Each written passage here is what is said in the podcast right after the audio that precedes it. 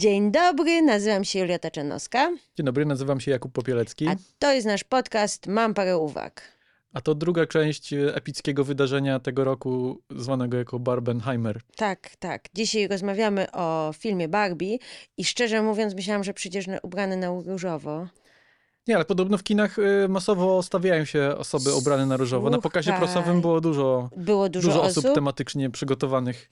Ja ci powiem, że ja na moim seansie koło mnie usiadły cztery panie, takie młode dziewczyny, które wszystkie przyszły w różowych sukienkach i z tiarami i wyglądało to bardzo słodko.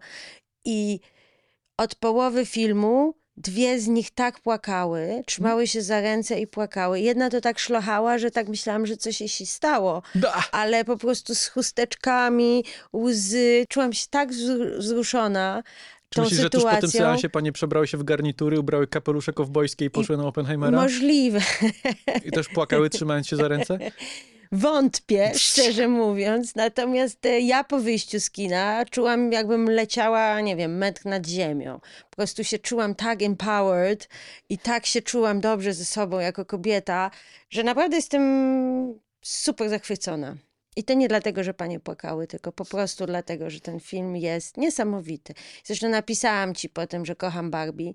No to ja powiem tyle, że ja mam parę problemów z tym filmem, ale mam też coś, co zauważyłem na sali kinowej, co rzadko się zdarza. Rzadko coś takiego zauważam i rejestruję. Takie poczucie jakieś, jakiejś takiej wspólnoty, nie Tak. wiem, jakiejś takiej odpowiedzi z sali kinowej na to, co się dzieje na ekranie. Jakaś taka wymiana energii. Rzadko coś takiego się pojawia w kinie, więc Mm. wydaje mi się, że ten film ew- ewidentnie odpowiada na jakąś potrzebę. No, I tak jak pisałem o tym w recenzji, że to nie jest żadna nowina, do, dobry film o Barbie. Jakby jeśli myślicie, że z z Barbie nie da się zrobić dobrego filmu, to macie jakieś 30 filmów do nadrobienia, bo ta seria animacji o Barbie jest całkiem, całkiem porządna, dużo po- porządniejsza niż mogłoby się wydawać. mhm. Jasne, to nie jest Pixar, nie? Y, Ale to są całkiem porządne animacje, więc wydaje mi się, że prawdziwym wyzwaniem, jakie pos- postawiła przed sobą, jakie stanęło przed Gretą Gerwig przy okazji filmu Barbie, to nie było zrobić dobry film o Barbie, bo to już udowodniono, że Mhm. to jest wykonalne, tylko zrobić ważny film o Barbie. I to, no to się ewidentnie udało. No. Cokolwiek by temu filmowi nie zarzucać, no to, to jest ważny film. To chyba jest ważny film. I tak jak mówię, odpowiedział ewidentnie na jakąś potrzebę i wytworzyła się jakaś taka fala, nie wiem czego, ale wytworzyła się. No wiesz, to jest film też o wspólnocie między Mhm. innymi, o budowaniu wspólnoty, więc się nie trudno dziwić, że film generuje jakąś taką energię i odpowiada na jakieś potrzeby. Ja powiem szczerze, że ja się też nie wstydzę mówić tego, że to jest film o feminizmie. A czemu nie się mam... wstydzić? Nie, nie, nie, bo czasami jest coś takiego, że czuję jakąś taką potrzebę, że muszę tłumaczyć jakieś feministyczne wątki, czy usprawiedliwiać, czy owijać w bawełnę coś, czy nie mówić wprost, bo to jest jednak brzydkie słowo na F ciągle No ale to, dalej. jeśli tak, jeśli będziesz się wstydzić, to ono wciąż będzie No, brzydkim słowem. ja się, więc ja Właśnie ci mówię, nie, właśnie słowo na trochę F. tak. Nie, nie, no ale jeśli przy okazji filmu, filmu Barbie nie będzie mówić o feminizmie, to to jest chyba największa porażka tego filmu. No, no więc Albo właśnie, świata. Albo świata raczej, nie tego filmu. Fakt jest, to nie jest idealny film. Ten film ma dużo różnych błędów i dużo różnych błędów strukturalnych też i Mhm. e, scenariuszowo kuleje i tak dalej. Mhm. Natomiast ma też taką niesamowitą energię i jakąś, jakąś taką promienną radość. Mhm. Jest zabawny i w sumie mądry i mówi o ciekawych rzeczach i mądrych rzeczach. Tak się powiem tak, z duetu Barbie i Oppenheimer, Oppenheimer podobał mi się dużo bardziej, co mnie trochę zasmuciło, bo jednak przypisało mnie definitywnie do grupy chłopców, z którą się nie do końca utożsamiam, e, przynajmniej tak klasycznie rozumianą. No ale no cóż, trzeba spojrzeć w to lustro kiedyś i pogodzić się z tym, co jest w tym lustrze. Ale mimo to, co powiedziałem Mhm. teraz, mimo tego, że Bar Barbenheimer, że Oppenheimer jest moim zdaniem lepszym filmem, to być może Barbie jest filmem ciekawszym i Mhm. w zasadzie bardziej ryzykownym i świeższym. Na pewno. W takim sensie, że Oppenheimer to jest jednak e, stare przemawia. Mhm. To jest modernistyczne kino, modernistycznego autora w starym stylu, co nie znaczy, że to nie jest świeży film, spełniony i tak dalej. Oczywiście, że Czy jest. ciekawy artystycznie. Ale Barbie, ja nie wiem, czy coś takiego jak Barbie w, Nie. wcześniej było. Znaczy, okej, były jakieś takie e, pierwiosnki, jaskółki typu Lego, no bo to trochę korzysta z pomysłów e, filmu Lego, nie? Ale wydaje mi się, Tak. że bierze go dalej i Tak. idzie z tym dalej. Nie, mi się wydaje, że przede wszystkim to jest ważny film właśnie feministycznie też. I nie, nie chodzi mi nawet o to, że można powiedzieć, o to jest jakiś film dydaktyczny, czy to jest jakiś film, że, że jakby porusza ważne treści i dlatego jest ważny. On jest bardzo ciekawy formalnie też i, i tak to się nazywa high concept po, po angielsku. Jest taki bardzo jakby takim skomplikowanym pomysłem i mimo, że nie, skomplikowany pomysł niekoniecznie znaczy skomplikowany film czy trudny film. Ale w ogóle to jest super ciekawe, co się udało Grecie Gerwig zrobić. Czyli zrobić w sumie trochę art house'owy film z popularnej zabawki, które się stało blockbusterem. To się nie powinno było udać, takie mam wrażenie. No, to może od razu na czołówkę Mhm. z, z, z głównym zarzutem, jaki się pojawia przeciwko Barbie. E, mianowicie takim, że to jest jednak korporacja, nie? I że, że pieniądze i że w zasadzie to ten film służy do tego, żeby sprzedawać Mhm. zabawki i korporacje zawsze chętnie zarabiają na krytyce korporacji. I jasne, to wszystko w tym filmie Tak. jest, ale też no nie bądźmy naiwni. Większość filmów, zwłaszcza hollywoodzkich, służy do tego, żeby zarabiać pieniądze. Więc wydaje mi się, że to jest bardzo cienki zarzut pod adresem tego filmu. I jasne, mimo, mimo tego, że tutaj naśmiewamy się z Matela i CEO Matela, to ta krytyka jest bardzo, bardzo delikatna, bardzo taka zmiękczona i wydaje mi się, że Mattel mimo wszystko, mimo tego, że to jest krytyka, to, to Mattel dobrze wychodzi e, z tej krytyki. Takie mam wrażenie, ale, ale krytykowanie tego filmu za to, że jest kapitalistycznym superproduktem, o tyle jest nie fair, że wyobraźmy sobie, jak ten film w normalnym świecie by wyglądał. W sensie, jakby jakikolwiek inny reżyser to zrobił. Wydaje mi się, że to jest na tyle eksperymentalny i niespodziewany i, i odważny i pomysłowy film, że to niweluje te wszystkie zarzuty korporacyjno-komercyjne. Jasne, ten film zawsze służyłby do tego, żeby sprzedać więcej zabawek, Zabawek Barbie, Barbie. i zrobić lepszy PR firm, firmie Mattel. Ale niekoniecznie zawsze byłby takim filmem, jakim jest. Mhm. I wydaje mi się, że to już wystarczy za wielki plus. Nie wiem, czy to jest jasne, Tak, to co teraz Y, powiedziałem. Nie, to znaczy dla mnie jest. No, tak, sprzedają, ale mogliby sprzedawać w gorszym stylu. Mo- mogliby sprze- iż jest dużo innych filmów, e, które sprzedają produkty w gorszym stylu. Przecież to nie jest jedyny, jedyny wielki blockbuster, który sprzedaje coś. Tu nikt jakoś, y, nikt jakoś nie wysuwa przeciwko filmom Marvela czy DC Mm. zarzutów, że o, bo one służą, żeby sprzedać zabawki. No nie. A Tak. oczywiście, że służą. Tak, ale ja jeszcze chciałam o Barbie powiedzieć coś, w sensie o, o zabawce. Mhm. Wiesz, ja się bawiłam Barbie jako dziewczynka. Y, Ale rzeczywiście ja mam dosyć skomplikowaną relację z, z Barbie, bo z jednej strony fakt, A, to ty miałeś tę taką porysowaną... A, ja miałam porys- ja miałam Weird Kate McKinnon? Barbie. Tak, ja miałam Weird Barbie, tak, ale to jest też bardzo ciekawa jakby koncepcja z Weird Barbie. To jest Barbie, która dorasta, ale to o tym jakby koncepcie tego filmu to pewnie zaraz też powiemy. Mhm. Natomiast chodzi mi o to, że ja nie chciałam iść na ten film, znaczy ba, obawiałam się. No bo co? Barbie może jest wszystkim. Z jednej strony jest ikoną feminizmu, a z drugiej strony, tak jak mówi zresztą e, dziewczynka w tym filmie, Sasza, wyznacza nieprawdopodobnie wysokie standardy dla dziewczynek. Ma ciało, które nie jest realistyczne, ma włosy, które nie są realistyczne.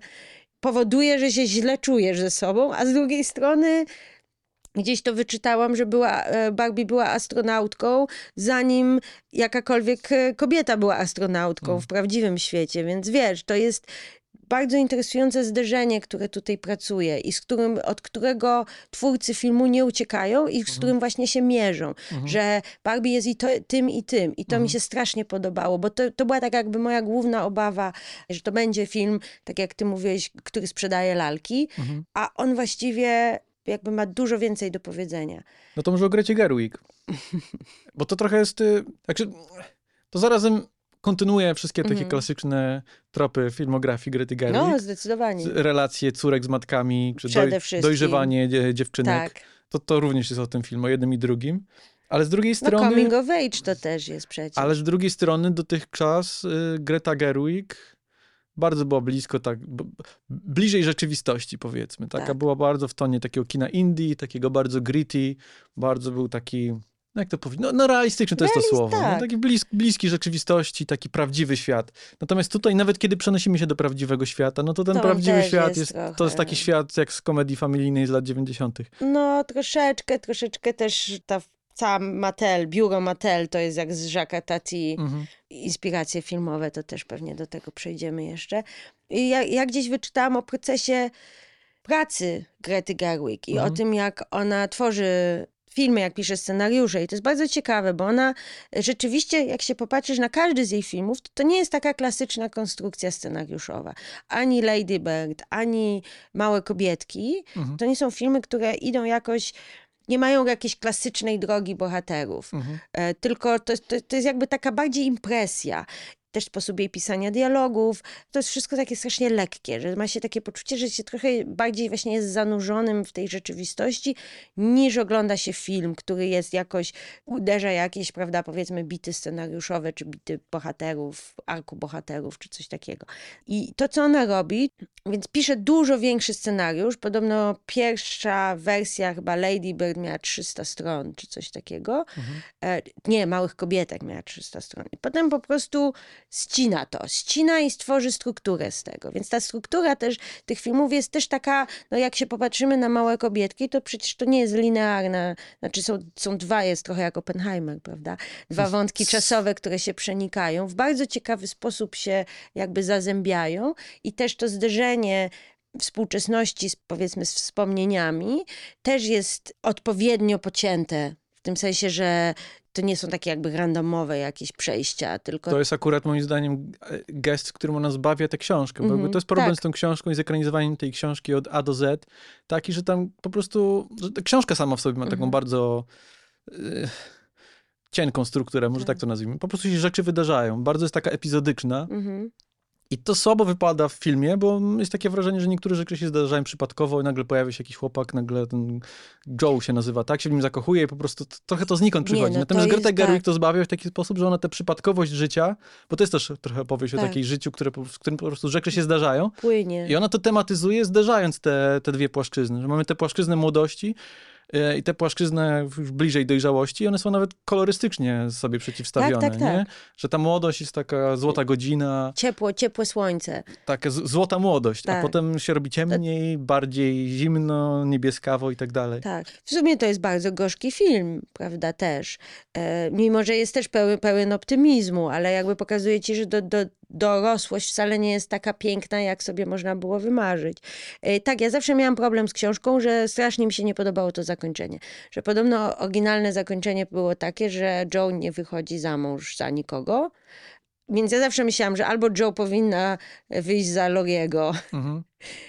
a, bo cała jakby książka idzie prowadzić do tego, a jak już okazuje się, że nie wychodzi za, za niego, to nie powinna wyjść za nikogo, a nie, że za jakiegoś randomowego typa, który się na pod koniec pojawia, że to mi się wydawało, że to jest źle po prostu napisana, skonstruowana historia.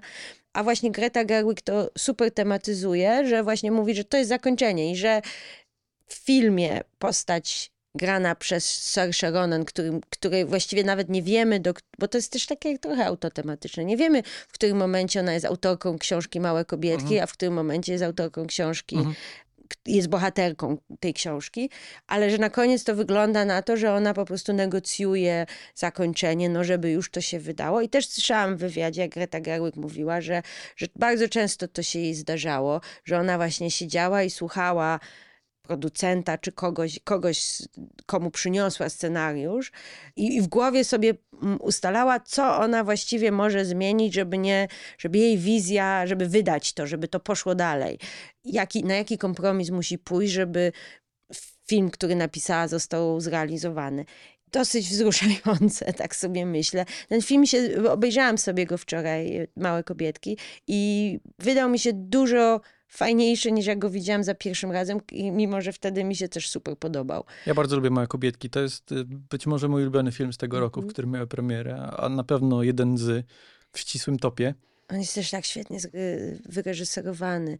Te pomysły inscenizacyjne są świetne. Ale to jest w sumie podobny, podobny problem z Małymi Kobietkami, co problem z Barbie. W takim Mhm. sensie, że mamy ikoniczny tekst kultury, na którym wychowały się pokolenia, zwłaszcza dziewczynek, Mhm. Który zarazem jest problematyczny. Jest problematyczny, tak. Znaczy, z- jest do pewnego stopnia emancypacyjny i postępowy i jakby budujący Z charaktery. jednej strony tak. no Ale to gdzieś to, jest co granica tego, tej tak. postępowości i w Mm. którymś momencie to zaczyna być mm, tak jak małe kobietki, że się zaczynają dość postępowo, a potem drugi tom książki bodajże nazywa się Dobra żona, Dobre Mhm. żony, czy coś takiego i to trochę, Mm. to się może trochę zestarzało.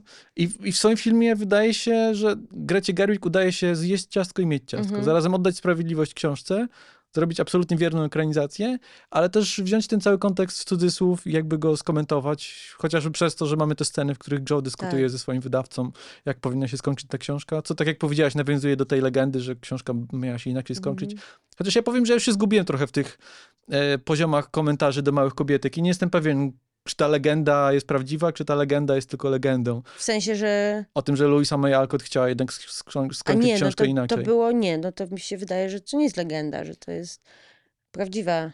No właśnie ja nie, nie ja się zgubiłem, bo wy, spotkałem się z tym, że tak, to jest prawda o książce. Tak. Potem ktoś mówił, że nie, to nie jest prawda, to jest tylko legenda i nie dotarłem do oryginalnego Aha. źródła, ale to nie ma znaczenia, nie? To przynajmniej w kontekście samego filmu. To nie ma znaczenia, czy to jest prawda, czy nieprawda. Ważne, że to jest w filmie i że Greta Gerwig Mhm. to tematyzuje, jakby przepracowuje ten problem, jakby idąc na czołowe zderzenie z nim. Tak. No i Barbie w zasadzie jest podobnym podejściem do problemu. No tak, no bo Barbie to jest jak najbardziej film Grety Gerwig, w sensie, że ma, porusza te same tematy i ma te same tropy, co, co jej dwa poprzednie filmy. No mi ktoś to wypominał pod recenzją, że w każdym filmie widzę miesiączkę, ale moim zdaniem to się wprost, to się wprost nakłada na taki Tak. schemat ba baśni menstruacyjnej tak zwanej, która Mm. w- właśnie to opowieść o dojrzewaniu Tak. kobiety, dziewczynki, która idzie do lasu, ukuje się w paluszek, leci krew, spotyka Mhm. wilka czy coś. E, No i tu też mamy, dosłownie mamy niewinną Barbie w idealnym świecie, Tak. gdzie panuje jakiś idealny feminizm. Wydawałoby się, że idealny, bo potem się okazuje, że, Mm, ten, że wcale ta nie, utopia wcale nie tak. jest taka utopijna, że tam też są pariasi tej utopii. To No nie tylko tak. Kenowie, ale też na przykład dziwna Barbie, która musi mieszkać gdzieś z boku, bo nie mieści się w tym kanonie. No ale Tak. generalnie jest to wizja, która wydaje się ideal, idealna, ale ona jest też niewinna. W takim sensie chociażby seksualnym, że Tak. Barbie i Ken nie mają genitaliów i kiedy Ken proponuje Barbie zostanie na noc, to w zasadzie nie, Nie, wiedzą, co po- mieliby tak, robić nocą. Tak się zaczyna film. Tak, A kończy się sceną wizyty u ginekologa, czyli Tak. ewidentnie dowodem na to, że Barbie dojrzała, że być może miesiączka jest gdzieś tam na horyzoncie no i tak, tak, dalej. tak, nie? tak. Skoro idzie do ginekolo- ginekologa, znaczy, że rozwinęła narządy rodne. Że nagle ma, tak, że nagle ma waginę, tak. Pod względem seksualnym dojrzała. nie? Tak. Też ta, tak mówiłam o tym high concept, prawda? Że to jest kwestia tego, że Barbie Land to jest świat, w którym małe dziewczynki bawią się Barbie, Mhm. e, prawda? Weird Barbie się wzięła stąd, że z Barbie, z którą się baw, bawiło za bardzo. To jest jakby taki trochę sy, symbol, że właśnie symbol do, dojrzewania. Dlaczego Weird Barbie jest mądrzejsza niż inne Barbie, bardziej świadoma? Dlatego, że dziewczynka, która się nią bawiła, już Mhm. stała się bardziej świadoma, więc rysuje właśnie, rysuje różne rzeczy na... No, to, to było dokładnie moja... Co tam Moja- narysowałaś na swojej Barbie? Przyznaj się. nie powiem. E, tatuaż chyba. em, zrobiłam Barbie tatuaż. Ale, że, że właśnie, że jest jakieś dojrzewanie i ta Barbie już przestaje być zabawką, lalką, tylko staje się no, jakimś takim awatarem dziwnym, którym właśnie trzeba Mhm. swoją dziwność jakąś przenieść na to. Się z tym zastanawiam, co się z moimi Barbie stało. Em, no nieważne. Widziałeś Toy Story 3? A, no, chyba tak. Bo to jest też takie Toy Story 3, prawda? Gdzieś, gdzieś tam tutaj podskórnie Mhm. pulsuje. No więc to jest pod tym względem coming of age, że jest ta droga ewolucji te, od tej dziewczynki, od tej niewinnej jakiejś takiej dziewczynki, której się wydaje, że świat, że wszystko jest możliwe i że jest się w jakimś bezpiecznym takim kokonie, prawda, swojej wyobraźni, a potem się wychodzi nagle i zaczyna się mieć problemy egzystencjalne i problemy także z tożsamością, jakby nie wie się, kim się jest do końca i czy się pasuje do świata, czy się nie pasuje, w jaki sposób się powinno zachować. I to jest też w innych filmach Grety Gerwig, że te kobiety czy bohaterki, które są, po prostu próbują znaleźć swoją drogę i okazuje się, że jest okej być skomplikowaną, jest okej nie wiedzieć, czego się chce i że to jest właśnie fajne też i że to jest właśnie fajne odkrycie, że człowiek tak ma, no i nie ma się czego wstydzić. Powiedziałaś o Toy Story. Ja też mam skojarzenie z She-Hulk, które wcześniej wysunąłem do ciebie i Tak. bardzo się zdziwiłaś na to skojarzenie. Zdziwiłam się, bo nie rozumiem. Mi się wydaje, że jest szereg bardzo podobnych y, tropów, chwytów, y, Mhm. Zastosowanych zarówno w serialu She-Hulk, jak i w filmie Barbie. Barbie oczywiście jest dużo bardziej spełnionym. Chociaż Mhm. ja akurat nie mam problemu z She-Hulk. Znaczy, Mhm. po pierwsze, to co łączy She-Hulk i Barbie, to jest y, absolutna triggerowość tego filmu w pewnych grupach A społecznych. no tak, to na pewno. Jakby to wystarczy sobie poczytać w internecie tak, pe- pewnych specyficznych y, odbiorców, którzy tak. poczuli się obrażeni treściami i, i pod tym względem jakby reakcja, jaką ten film Mhm. I ten serial wywołały wśród pewnych ludzi są bardzo zbliżone i o, już ta reakcja wskazuje, że jakby podobne, podobne problemy są tu przepracowywane. No w She-Hulk też mamy ten motyw przejścia ze świata fikcji do świata rzeczywistego. Przecież She-Hulk wychodzi z serialu e, No tak. i, idzie do biur Marvela i spotyka swojego twórcę.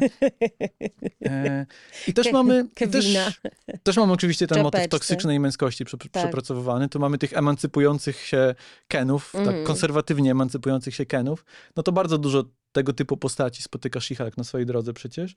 E, No i też mamy taki może mikroproblem, e, który identyfikuje zarówno w She-Hulk, jak i w Barbie. Mhm. Mianowicie to, że dużo rzeczy jest podanych w dialogu, w sensie deklarowanych, a niekoniecznie przepracowanych Tak. dramaturgicznie. Na przykład w She-Hulk była, był ten cały motyw tego, że padło pytanie, w jaki sposób Jennifer jest w stanie kontrolować swoją moc Hulka. Mhm. Jakby Mark Ruffalo, Bruce Banner był bardzo zdziwiony tym, że jak to jest, że ten, kontrolujesz swój gniew. Ona mówi, że jako kobieta nauczyła się żyć z gniewem, bo po prostu wszystko ją złości. I to jest bardzo fajne rozpoznanie, natomiast ono jest przede wszystkim podane w dialogu, nie? I Mhm. to jest też może problem z, z Barbie, ale do tego pewnie pójdzie, później Yy, przejdziemy. Chyba, że chcesz do tego przyjść Tak, teraz. Czy chcę teraz do tego przyjść teraz? Ym, wiesz co, ja się też nad tym zastanawiałam, bo to jest rzeczywiście, bo to jest ten monolog, prawda, ten główny monolog Ameryki Ferrary, który Mhm. jest świetnym monologiem, który jest po prostu, się czułam jakby ktoś do Mhm. mnie mówił, po prostu mówił do mnie. I to jest tak, takie pytanie, czy rzeczywiście trzeba to wszystko pokazywać, że Mhm. rzeczywiście jakby scenariuszowo to jest, można powiedzieć, błąd, że babka mówi, że, że nie widzimy jakby całej drogi tej bohaterki i nie widzimy, jak, jak, jak się musi borykać w prawdziwym świecie i tak dalej. Ale jest to w pewnym sensie dosyć uniwersalne. No tak, bo to jest też film o, skoro to jest film o wspólnocie, to te doświadczenia, o których ona mówi, już poniekąd widzieliśmy w filmie, I w e, jak tym- przydarzają się innym postaciom, zwłaszcza głównej Barbie. Tak, nie? no więc to jest to. I rzeczywiście może to było takie za bardzo deklaratywne, w Mhm. tym sensie, że być może za 10 lat, jak powstanie już 15 lepszych filmów na ten sam temat, które przepracowują te same problemy, będziemy się patrzeć na Barbie troszeczkę jak się patrzymy teraz na pierwszą Wonder Woman, że eh, okej, jest okej, ale jak pierwsza Wonder Woman y, wyszła, to po prostu wszyscy, wszystkim głowy wybuchły, prawda? I może to jest rzeczywiście to, że może po prostu powstaną lepsze filmy na ten temat. Na- Natomiast nie było wcześniej takich filmów, który by po prostu ktoś prosto z mostu do ciebie powiedział, ciężko jest. A Chociaż wydaje mi się, że nie ma nic złego we wskazywaniu tego, że jakby, Nie. że ten film mówi ważne rzeczy Tak. i mówi je wprost i to dobrze, że je mówi, ale że nie są one powiedziane zawsze w idealny sposób. Ja takiego niesprawiedliwego argumentu użyłem w Mhm. dyskusji z Gosią Steciak, A, e, pozdrawiamy, że jest różnica między powiedzeniem kapitalizm jest zły, a nakręceniem The Wire, nie? a, no. I, I Barbie jest gdzieś w pół drogi. Tylko, że podmień kapitalizm na feminizm, a The tak, Wire na Barbie, tak, nie? Tak, tak. E, ale jakby spoko. Ten problem z tą deklaratywnością Ameryki Ferrari, tego, Mhm. jej, tego jej wielkiego speechu, po części wynika, wydaje mi się, nie, nie tylko z tego, że to jest po prostu powiedziane wprost, bo tak jak mów, powiedzieliśmy przed chwilą, to jest też doświadczenie wspólnotowe, wspólnotowe i poniekąd, poniekąd doświadczamy go w tym filmie za pośrednictwem innych postaci kobiecych, Mhm. ale to jest trochę problem powiązany z postacią Ameryki Ferrari i jej córki, Mm. które wydaje się, że będą ważnymi postaciami w tym filmie, a potem w połowie jakoś tak trochę znikają i, i Znaczy, wygasają. To jest rzeczywiście ten, jakby powie, mogę powiedzieć, strukturalny problem Mhm. tego filmu. To znaczy to, że mm, ten scenariusz w pewnym momencie się rozłazi. Że na przykład dla mnie panowie z Mattel w ogóle są niepotrzebni. Oni zresztą znikają na, na koniec Mhm. i w środku filmu jakby nie wiadomo, co się z nimi dzieje i gdzie oni są i po co oni właś- właściwie są. Jakby ten cały film mógłby działać równie dobrze, gdyby... No tak, bo oni niby tworzą zagrożenie, ale tak, Tak. naprawdę to wilanem tego filmu w zasadzie jest Ken. No Ken nie jest, też vilanem. Jest zarazem bohaterem i vilanem. Jakby jest bohaterem, antagonistą dla Barbie. Antagonistą jest bardziej. On nie jest vilanem. Właśnie to jest, to jest moim zdaniem e, złe czytanie. Znaczy złe Czy czytanie. vilanem no, strukturalnie, w takim sensie, strukturalnie. że Barbie się konfrontuje No z nim. tak, nie? tak, tak, ale w, w, pewnym sensie on. e, To jest też ciekawe, bo to chyba też jest e, coś, co jest w filmach Grety Gerwig, że właściwie vilanem to jest system. To Mhm. znaczy, Tak, tak, tak. prawda? A Ken jest też ofiarą systemu. Tak, bo wydaje mi się, E, że to jest coś, co, co umyka wszystkim tym chłopcom oburzonym Mhm. filmem Barbie, że pokazuje mężczyzn jako takich śmiesznych i tak dalej. To jest nieprawda. Mi się wydaje, że Ken wcale nie jest stereotypem incela, czy stereotypem Nie. toksycznego mężczyzny, że on jest absolutnie On, upodmiotowioną postacią. tak. Co, wie, co więcej, można by wręcz zarzucić temu filmowi, że on jest dużo bardziej rozwiniętą postacią niż Barbie. E, No. że on ma dużo bardziej zdefiniowaną jakby podmiotowość, wrażliwość, ma jasny cel. Tak. W, tak, w takim scenariuszowym nie, e, rozumieniu ma oczywiście. dużo czystszą drogę, którą Nie, on ma, przechodzi, nie? on ma absolutnie taką w pełni klasyczną drogę bohatera, prawda? Wiemy, co on chce na początku. Chce, Mhm. żeby Barbie go kochała, Mhm. prawda? Potem przechodzi drogę i musi się nauczyć, no i na końcu jakby dowiaduje się, że to nie o to chodzi, żeby Barbie go kochała, tylko Mhm. chodzi o to, że, że on ma siebie kochać, prawda? Mhm. Ke, Enough. tak? Kenough ma być, prawda? I Mhm. słodkie takie. No a po drodze oczywiście tym odbija w taką toksyczną stronę, Tak, gdzie już tak, tutaj tak. słyszałem różne kalambury na temat tego konserwatywnego zrywu Kenów. Mhm. Słyszałem, że to jest Ken Federacja, Uuu. albo tu Jacek Borowski, copyright Koń Federacja, O, bo to akurat super zabawny jest ten żart, że Ken Tak. myśli, że patriarchat to mężczyźni i konie. A potem jak się okazuje, że nie, to już trochę mniej mu się podoba. no słuchaj, no wszystko, wszystko z końmi jest lepsze zawsze. Wszystko z, ze zwierzętami jest lepsze, wiadomo. No też wydaje mi się, że też bardzo celnie portretuje jakby z sytuacji, w jakiej znalazła się męskość. Mhm. Męskość, która czuje się zagrożona przez Tak. emancypujące się kobiety we współczesnym świecie i odbija jej właśnie w takie, takie jakieś konserwatywne rzeczy typu wojny na siusiaki, nie? Ten, Tak. ta cała scena jakby lądowania w Normandii niemalże przez No, Kenów na plaży, ta, ta ich normal- bitwa, budowanie murów granicznych. Swoją drogą super śmieszny żart, y, to, to mówi Michael Cera, że pospieszmy się zanim odkryją, że trzeba budować w poziomie, a nie w pionie. Tak. No i kiczowate postgrunge'owe ballady. Mhm, To mhm. chyba Matchbox 20 jest. e, e, Piosenka Mhm. zespołu Matchbox 20 tutaj funkcjonuje jako Mhm. taki takie pars pro toto wrażliwego mężczyzny śpiewającego przez zaciśnięte zęby o swoim bólu. Tak, tak. Nie no, ja się śmiałam z tej piosenki na, na plaży, że rzeczywiście śpiewanie, Mhm. dziwne śpiewanie do dziewczyn z gitarami. Nie, te, w ogóle te dowcipy, to jest tak śmieszne, bo to jest takie prawdziwe, tyle takich rzeczywiście y, sytuacji, w których i to jak Barbie chcą odbić inne Barbie, Mhm. prawda? I to jak tam są decoy Barbie, oni mówią sobie, że tam pod, przychodzą i udają różne rzeczy i że to jest takie śmieszne. Tak się często zdarza różne takie sytuacje, czy te Chłopak obserwacje. puszczający dziewczynie ojca chrzestnego, tak? I tłumaczący przez cały...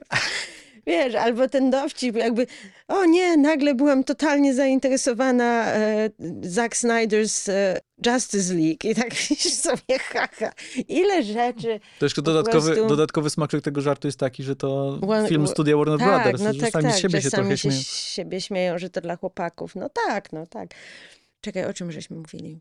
Okej, nie w zasadzie. Oczywiście to jest Ryan Gosling, który świetnie gra Mhm. i ja strasznie lubię Ryana Goslinga, a tu go naprawdę nie lubiłam. Ja muszę sobie po prostu, jak on idealny ma komediowy timing, Mhm. ale z drugiej strony naprawdę czujesz jego ból Tak, i chodzi, rozumiesz że, go że jakby jako na, na jakby poziomie ludzkim. No bo to jest dość odważna rola. Jakby Mhm. cały numer polega na tym, że on jest zarazem absurdalny, głupi, absurdalny i... No, głupi i, pusty, absurdalny tak. i pusty, o. Ale przy tym jest to pogłębiona dramaturgicznie postać i jakby czujesz jego ból Tak. i wiesz skąd się biorą wszystkie jego problemy. Więc ta taka podwójność udaje się utrzymać, że jakby Ryan Gosling gra to totalnie na serio i tym serio jakby ratuje też komizm tej postaci. Tak. Tak, i że w ogóle to jest bardzo ciekawy zabieg, jak, jak no bo utopia Barbie nie jest wcale idealnym światem, bo rzeczywiście Keny mają gorzej, są jakby obywatelami drugiej kategorii. I tak samo, aha, właśnie Weird Barbie, czy Barbie w ciąży, Mhm. którą gra zresztą reżyserka obiecującej młodej kobiety Emerald Fennel, Mhm. która jest też właśnie usunięta na, na bok, bo to jest po prostu dziwne. Barbie w ciąży dziwne. Mm.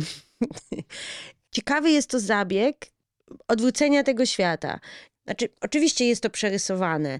Kobiety mają jednak chyba wyższą pozycję i więcej władzy e, w świecie prawdziwym niż Kenowie w świecie Barbie, Mhm. E, ale jest to takie ciekawe odwrócenie, no bo, bo jednak tak jest. I żeby zobaczyć siebie, nie wiem jak, jak to jest dla, dla mężczyzn, żeby zobaczyć siebie jakby w, w tej pozycji, Mhm. może jest czymś takim, nie wiem, otwierającym, czy jakby dającym trochę, rzucającym jakieś światło na sytuację kobiet, e, prawda? Że wiadomo, że to jest satyra i że to jest przerysowane, ale, ale może, może to być ciekawe, nie wiem.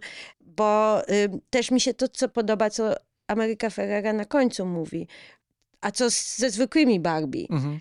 że ona proponuje, żeby była zwykła Barbie i bo szczerze mówiąc, ja się tak trochę czuję jak taka z- zwykła Barbie, że niekoniecznie muszę mieć wszystko, niekoniecznie muszę zostać prezydentką, czy wiesz, sędzią Sądu Najwyższego, czy cokolwiek, czy astronautką, po prostu chcę mieć miły dzień. No bo to jest ten paradoks tego, że spodnie. te wszystkie inkarnacje Barbie, chociaż jest ich milion Tak. różnych wyancypowanych w jedną i w Mm. drugą stronę, to każda jest jakąś skrajnością. A tak. prawda jest gdzieś pomiędzy. Jakby najwięcej kobiet jest tych w środku właśnie, nie? To Tak. tak się... s- No najwięcej ludzi jest w środku. Nie, no, no najwięcej ludzi jest w środku. No po prostu to też jest ciekawe w tym filmie, że rzeczywiście Greta Gerwig próbuje powiedzieć wiele rzeczy naraz. I Mhm. tak samo ja, ja teraz próbuję powiedzieć wiele rzeczy naraz. Jak na przykład to, że Barbie jednak może być i inspiracją, ale może też wyznaczać bardzo, bardzo wysokie standardy dla Mhm. kobiet, czyli właśnie, że musisz być nie wiadomo kim, super Barbie, a nie możesz być po prostu zwykłą Barbie. Bo się zastanawiam, podejrzewam, że ktoś mógł zarzucić, że, zarzucić temu filmowi, że on pacyfikuje społeczeństwo, że, Mhm. mówi, że mówi kobietom, dziewczynkom, matkom i córkom, bądź zwyczajna, nie osiągnij Mhm. nic, jest okej, możesz mieć celulit i po prostu być sobie normalna, bylebyś kupiła najnowszy model Barbie. Ale wydaje mi się, że to jest trochę nie fair. Nie, to e, mi się wydaje, że to w ogóle to nie mówi. W tym Mhm. sensie, że, że właśnie nie chcę mówić jak Ameryka Ferrera o wszystkich kobietach, ale dlaczego ten jej speech jest, ten, ta jej przemowa jest taka e, mocna? Mhm. Ponieważ to jest rzeczywiście, ktoś pierwszy raz na głos mówi to, co jest w sumie jakby doświadczeniem wielu kobiet, że po prostu my jesteśmy cały czas się- czujemy, czy ja się czuję, mówię za siebie, obserwowana i oceniana. Że trzeba być doskonałym, a z drugiej strony nie można być, ja mam wrażenie, że ja cały czas gram jakąś rolę. Jak Ken na tych wrotkach jedzie i mówi, o, czuję, czuję admirację, Tak. na sobie spojrzenie, ale bez nutki przemocy. Bez nutki przemocy, tak, ale to nie o to chodzi. To nawet chodzi o to, że ubranie takie, czy nie, czy nie takie, czy, czy jesteś za bardzo nerwowa, czy jesteś za bardzo potulna. Nie możesz być za bardzo potulna, bo będą łazić po tobie, czy nie możesz być za bardzo agresywna, Mhm. albo zła, albo pokazać emocje, albo to, albo tamto. Coś, z czego mam wrażenie, mam poczucie, że mężczyźni nie, nie, musieli, nie muszą się nigdy w jakieś tam pudełko zmieścić, bo, bo to jest to, że musisz się zmieścić w pudełku Mhm. a jak wystajesz poza ramki, to bu. Prawda? I, i, I to jest takie męczące. I ktoś to mówi, że to jest takie męczące, właśnie mówi, to jest okej, możesz się tak czuć. Ja się też z takim zarzutem spotkałem, że to, co ty teraz mówisz, Mhm. y, to przesłanie filmu, że to jest takie, że to jest taki feminizm 101, jak się mówi po angielsku. Mhm. W sensie, że to jest zarzut, że to jest taki bryk z feminizmu. Ale ktoś powiedział, ale może to jest, może akurat patrząc na stan świata współczesnego, może potrzebujemy takiego bryku z feminizmu. Mm. Nie każdy czytał Luz Irigaray i tam inne panie feministki. Tak, no to jest po pierwsze, że nie każdy czytał. Po drugie, nie było tego w filmie nigdy. Rozumiesz, o to chodzi, że jakby różne inne deklaracje padały z ekranu Mhm. Do różnych grup, natomiast nikt nigdy nie powiedział czegoś takiego. Chociaż ja nie wiem, czy nikt nigdy nie powiedział, ale być może nikt nigdy nie powiedział w tak popularnym tak filmie. popularnym filmie, o to mi chodzi, Mhm. że w jakimś mainstreamowym, bo, bo teraz sobie, okej, dobra, w Barym w pierwszym sezonie, czy chyba drugim był, był podobny monolog, ale no umówmy się, kto, kto widział Barego, no. I, okej, okay. I, i uważam, że może to jest proste i może to jest właśnie, tak jak już żeśmy mówili na początku chyba naszego podcastu, niespecjalnie jakby, niespecjalnie umieszczone w, jakby w kontekście, w jakby w historii, czy właśnie w doświadczeniu bohaterów, czy popychające bohaterów do przodu, czy cokolwiek tam można powiedzieć ale jest to potrzebne. Ja się, je, było mi to potrzebne. Znaczy mi się wydaje, że to, że coś jest powiedziane wprost, to niekoniecznie jest wada. Ja to ostatnio powtarzałem mm. chyba parę razy, że, to, tak. że łopatologia ma złą prasę, tak. E, a, a, subtelność jest przeceniana. Że, że, subtelnością często nazywamy jakąś taką mętność, że twórca mm. nie wie, co chce powiedzieć, więc komplikuje, mm. mnoży tajemnice, a potem ty to oglądasz i myślisz sobie, ale zaraz, ale o co? O co chodzi? A, a powiedzieć coś wprost w taki sposób, żeby to działało i żeby to było czytelne i zrozumiałe, to, to wcale nie jest nic. Tak, i mi się wydaje, że dlatego ten film też e, przyciągnął tylu widzów, że to jest po prostu film, po którym się czujesz dobrze, no, który jakby daje ci jakieś poczucie wartości. Chociaż ja też widziałem trochę takich zarzutów, e, skoro mówimy jakby o współczesnym świecie i współczesnych standardach, że trochę było zarzutów pod adresem tego filmu, że to jednak jest bardzo biała wizja. Biała i heteroseksualna. Że okej, okay, mamy tutaj, mamy Kena Azjatę, mamy Kena Czarnego, mamy czarną Barbie, tak? Aleksandra Ship bodajże mhm. jako, jako czarna Barbie, ta, która Nobla za literaturę dostała swoją drogą. No, jest Issa Kingsley... Rae przecież jako prezydent Issa Rae jako prezydent Barbie, tak. Jest Kingsley Benadir, jest... Mm. Y Nkuti Gatwa, który teraz gra też doktora Hu, Simu Liu, oczywiście tak. jako ten drugi, drugi Ken, drugi chyba tak go Ken. trzeba nazwać. Ale oni są tylko na drugim planie, jakby po prostu budują taki kolorowy, kolorowe tło dla, no, dla tych wiesz, no, ale Ameryka Ferrera jest jakby jedną z ale, właśnie, to jest główny ale, tak. bohaterek, to jest po pierwsze. Po drugie, jednak Margot Robbie gra stereotypową Barbie, mhm. prawda? Czyli ona zawsze mówi, jak myślisz o Barbie, to widzisz ją. Mhm co jest też, prawda, bardzo mi się podobał ten komentarz w którymś momencie, że tam właśnie jak, jak Barbie ma ten problem. Że już nie jest ładna. Że już nie jest ładna, prawda? I tuż przed tą właśnie przemową Ameryka, Ameryki Ferrari, to narratorka Helen Mirren mówi, no twórcy powinni zatrudnić kogoś innego, jeżeli chcieliby żeby wygrać dobrze ten argument. To jest ciekawe, bo moim zdaniem ten żart absolutnie działa, a mhm. widziałem, że bar bardzo wiele osób tak. ten żart krytykuje jako takie dopowiadanie oczywistości i taki jakiś asekuracyjny chwyt, który niweluje sam żart tak mhm. naprawdę. Ale nie, nie.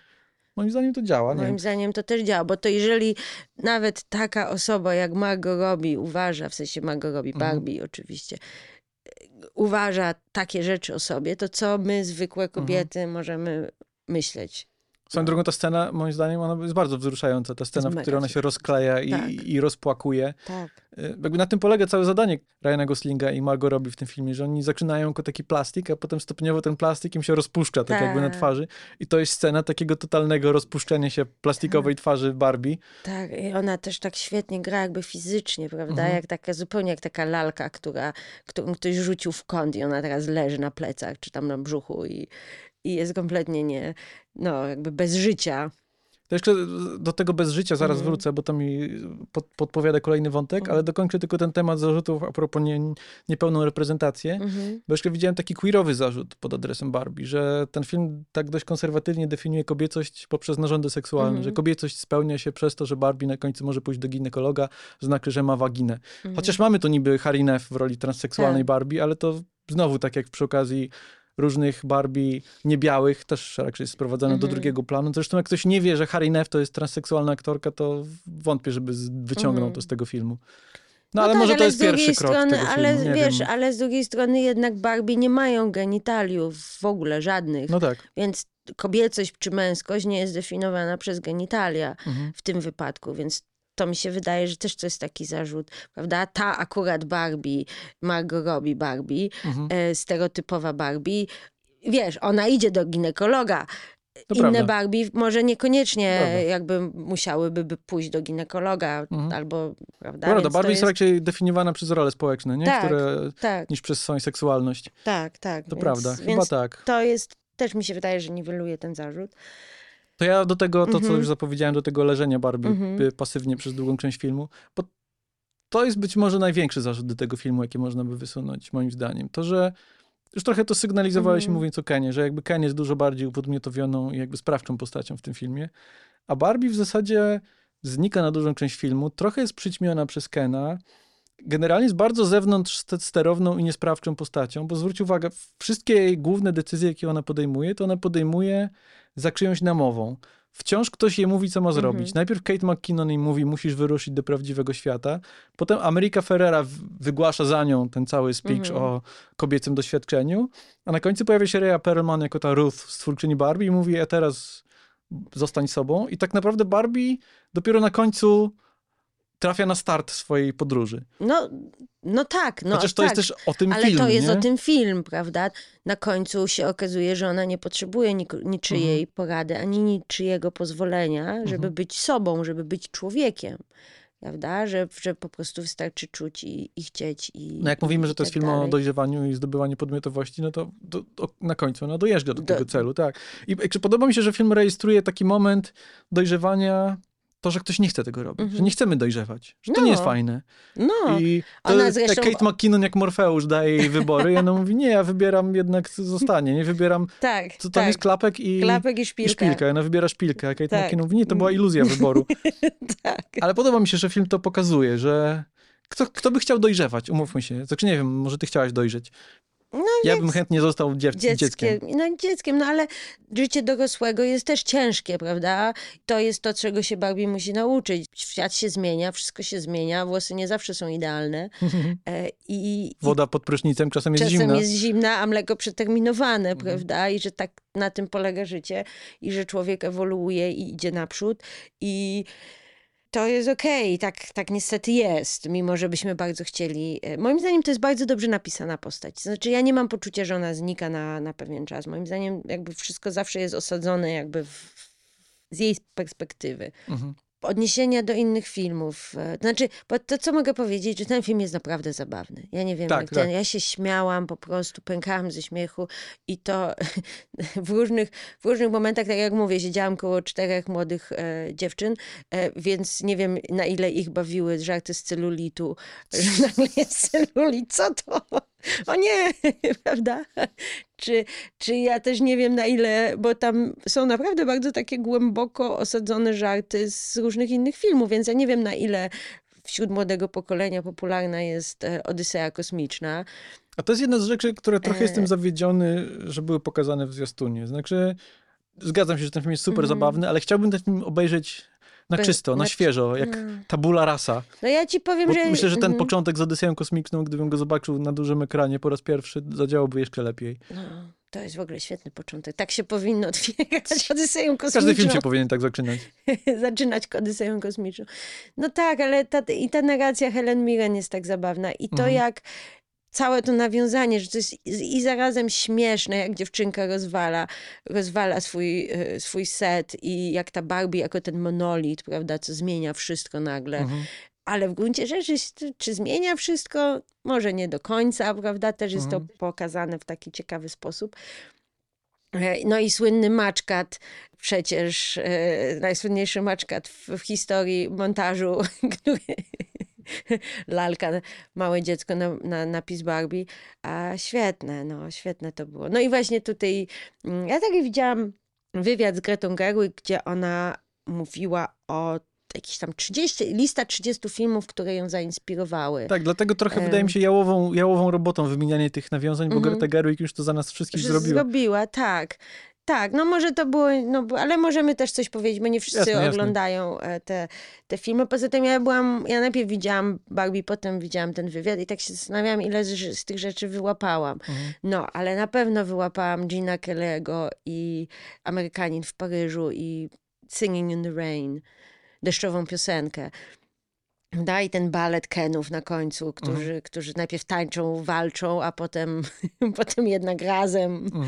Ty mówiłeś o lądowaniu w Normandii. E, mi się to też z Braveheartem e, O. Mela Gibsona skojarzyło. Jest taką bitwą średniowieczną. Gerwig chyba jeszcze o parasolkach z Szerburga mówiła, to Mówiła, też oczywiście tak. estetycznie się w- bardzo kojarzy. Absolutnie. No Playtime Jacques'a Tatiego też Tak, mówiliśmy, ta tak. wizja jako korpo labiryntu Korpo w Labyrinth. biurach e, Matela. No to, to, to mi troszeczkę nie siadło. e, Cała ta matelowa jakby Mhm. sekwencja, bo oczywiście to jest zabawne, jak wchodzi Barbie i mówi, dobra, gdzie są kobiety? Mhm. E, I, I ten mówi, jak to? Mamy koedukacyjną toaletę, prawda? I kiedyś była, w latach 90. była CEO pani, więc Mhm. my jesteśmy jakby, tak, kobiety. I jak każą jej wejść do pudełka i zaciskają jej te, te, te pętle na rękach i myślisz sobie, o nie, to czy to nie jest metafora współczesnego świata, czy metafora jakiegoś kapitalizmu, który chce kobiety Mhm. jakby zapudełkować znowu i wstawić je, że tutaj wiesz, wystarczy tej an- emancypacji teraz. Wracajcie jakby do swoich pudełek, bo już mam, mamy dosyć, że biegacie po mieście i coś tam krzyczycie. No to jest, y, to jest trochę problem, a trochę nie problem. To, że ten świat rzeczywisty jest taki przerysowany, bo to ewidentnie jest element tej satyry, że ona Mhm. Tak. pokazuje, że ta nasza rzeczywistość też jest absurdalna. No, I patriarchat też jest absurdalny, więc Mhm. dlatego ona podkręca to stężenie absurdu. Dlatego Will Ferrell jest po prostu Willem Ferrellem tak. tutaj. Ale z drugiej strony zastanawiam się, czy to trochę nie osłabia ostrza tej satyry, Mhm. czy to trochę nie, nie osłabia związku tego, co się dzieje w tym filmie z naszym światem. Że Mhm. możemy sobie to oglądać jako taki zamkniętą w krysztale po prostu jakąś dziwną wizję i zupełnie nie zrobić tego połączenia między, no między wy- naszym światem, tak. a, a tym prawdziwym światem z filmu, Tak. co teraz zrobiłem cudzysłów palcami. Tak. Ale na przykład mi się podobało dużo bardziej, wydawało mi się mocno ten spacer Kena po centrum biznesowym Los Angeles, Mhm. Gdzie widzimy y, mężczyzn. Tam jest taka montażówka Tak, męskości z, montażówka- z Sylwestrem Stallonem tak. i końmi. Tak, to koniec Sylwester Stallone w futrze, prawda? Ale też jest montaż z Grease jest tam też, jak oni Tak, tańczą. tak, tak. E, prawda? Ale też, że właśnie e, kolesie na siłowni, biznes kolesie gadają ze sobą, a kobiecie mówią, że ma stać z boku i być cicho. Mhm. To jak Ken chce, to jest też taki obrazek małego chłopczyka, że okazuje się, że trzeba włożyć pracę, żeby być żeby coś osiągnąć jednak, bo on przychodzi najpierw do biznes kolesia i mówi, że że jest mężczyzną i że on teraz chce mieć wysokopłatne tak, stanowisko zarządzające. Bo przecież jest kolesiem. Czy to znaczy, że robicie zły źle patriarchat? A oni mówią, a on mówi, nie, robimy dobrze, tylko teraz się lepiej kryjemy, czy coś takiego. czy idzie do pani lekarz i mówi, y, do lekarki i mówi, czy mogę rozmawiać z lekarzem? Rozmawiasz z lekarzem. Ja spotkałem taki śmieszny zarzut pod adresem tego filmu i to wokół tej, tego Mhm. tematu konstytucji się pojawiło. tak. Bo ktoś, kto jest prawnikiem z wykształcenia, Mhm. napisał, że mm, ma zarzut legalistyczny, może tak O, go wow, nazwijmy. okej. Że ten ktoś nie mógł ścierpieć po prostu tego, w jaki sposób ten motyw konstytucji Mhm. funkcjonuje, że Kenowie ją po prostu odwołują, a potem, żeby ją przywrócić, to jednak muszą na nią zagłosować. Tam ktoś stwierdził, że to nie ma sensu. No, ale to jest Barbie Land, no tam wiesz... No, ale to wydaje mi się, że nawet ten ktoś, kto, kto Tak. wygłaszał ten zarzut, to z przymrużeniem no, nie, oka no to robi. wiadomo, że to nie o to chodziło. To chodziło o to, żeby był jakiś tykający zegar zagrożenia, że Mhm. trzeba coś zdążyć z czymś przed jakimś terminem. No to, to, to mi się wydało, że to o to chodziło, że to taka była funkcja a, tej sytuacji. Mi tam to nie przeszkadzało. Natomiast tak, jeśli ci panowie z Mattel, bo ja się też na przykład spotkałam z takimi zarzutami, że ten, ten, to zakończenie jest takie, że oni wszyscy stoją w kółku i gadają. Mhm. I tam jakby są przemowy. No to jest też tak, że jest, że jest Deus Ex Machina, co? Przychodzi z twórczyni Barbie. No, przychodzi twórczyni Barbie, ale to jest y, nawiązanie do Czarownika z Krainy Mhm. Oz i do takiej właśnie do takich starych filmów, gdzie Mhm. wszyscy stawali w kółku i rozwiązywało się problemy przez wytłumaczenie. No i A w Czar- tym odcinku nauczyliśmy się tego. Tak, i w, Cza- w Czarowniku z Krainy Oz też przylatuje dobra wróżka, która Mhm. mówi e, Dorotce, że ma zamknąć oczy i pomyśleć, że jakby w domu była, mogła wrócić do domu w każdej chwili, że wystarczyło, że pomarzyła o tym. I Mhm. tu jest jakby, to też jest jakby nawiązanie do tego, gdzie właśnie Ruth, twórczyni, twórczyni Barbie mówi, że idź naprzód moja córko i właśnie ten, to przekazywanie tego, to, to mi się bardzo skojarzyło, że ona mówi, że my stoimy, patrzymy jak daleko nasze córki zaszły, że, Mhm. że jest to też przekazywanie tego feminizmu, no, że to są kroki, że ja mam, jak się patrzę w tył i patrzę się na przykład na moją mamę czy na moją babcię i myślę sobie, jakim dużo lepszym miejscu jesteśmy teraz, jestem ja teraz i mam nadzieję, że za te 20-40 lat, jak będę się patrzeć na te młode dziewczyny, że też będą w lepszym miejscu, no. To jest moja nadzieja. Ja nie wiem, czy lepszą puentę znajdziemy dla tego odcinka. No ja chcę optymistycznie patrzeć w przyszłość. Zdecydowanie. Znaczy, niby Mattel szykuje, schodzą takie plotki, że jakieś 40 filmów na temat różnych swoich innych produktów. E, powiem ci tak, jeżeli e, te filmy będą napisane i wyreżyserowane przez takich artystów jak Greta Gerwig, e, to ja mówię tak. To ja akurat tego się boję. Zawsze tak jest, że jak ktoś osiągnie sukces, to potem Hollywood wyciąga z tego złe wnioski. Chyba już Mhm, o tym rozmawialiśmy tak. przy okazji Oppenheimera. Tak, E, tak rozmawialiśmy. No a teraz mamy podwójny cios, bo jeszcze Barbie dochodzi, więc ja nie wiem, co, co nas teraz czeka. Kolorowe biografie fizyków. Y, Einstein na różowo. Na. Einstein na różowo. Einstein musical. Słuchaj, jeżeli będzie Nie. to dobry film, To no nie. właśnie, jeżeli będzie to dobry film, to jest zawsze to. Filmy można robić o wszystkim, jeżeli jest dobrze napisany, świetnie zagrany e, i ma coś do powiedzenia. Czemu nie, no?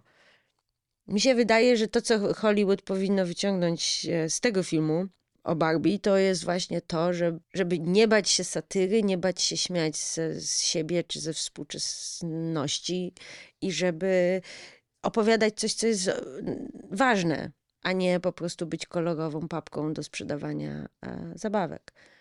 Bo wydaje mi się, że tutaj oni po prostu trafili, trafili na złotą po prostu górę.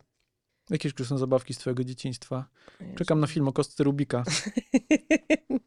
Może to będzie to połączenie Barbie i Oppenheimera. No, różne kolory. No, są kolory, jest zabawka, ale jest też matematyka, Aha. logika, praca umysłowa. Słuchaj, Totalnie. Słuchaj. Mm, Christopher Nolan, Rubik Cube. W roli kostki Rubika. Mark Ruffalo. Nie, jakiś nolanowski aktor. A, Cillian Murphy albo Michael Caine. Michael Caine zdecydowanie. To w takim razie czekamy na dobre filmy. Ja Jak jest- zawsze zresztą. Jak zawsze zresztą. Ja jestem trochę smutna, że strajk aktorów, e, znaczy absolutnie trzymam z aktorami i uważam, że studia powinny płacić i Mhm. aktorom, i pisarzom tyle, w sensie scenarzystom tyle, ile im się należy, Mhm. ale e, chciałabym też oglądać fajne filmy, które wiem, że są nakręcone. ale, a daty się ciągle przesuwają, więc e, no nic. Co zrobić? Takie życie. E, Mam nadzieję, że strajk się szybko skończy i że będziemy mogli wszyscy oglądać. Mieliśmy skończyć optymistycznie, kończymy E, na takie życie. Takie życie. No, Hashtag tak już jest. tak już jest. Dobrze, dziękujemy za uwagę w takim razie i do usłyszenia.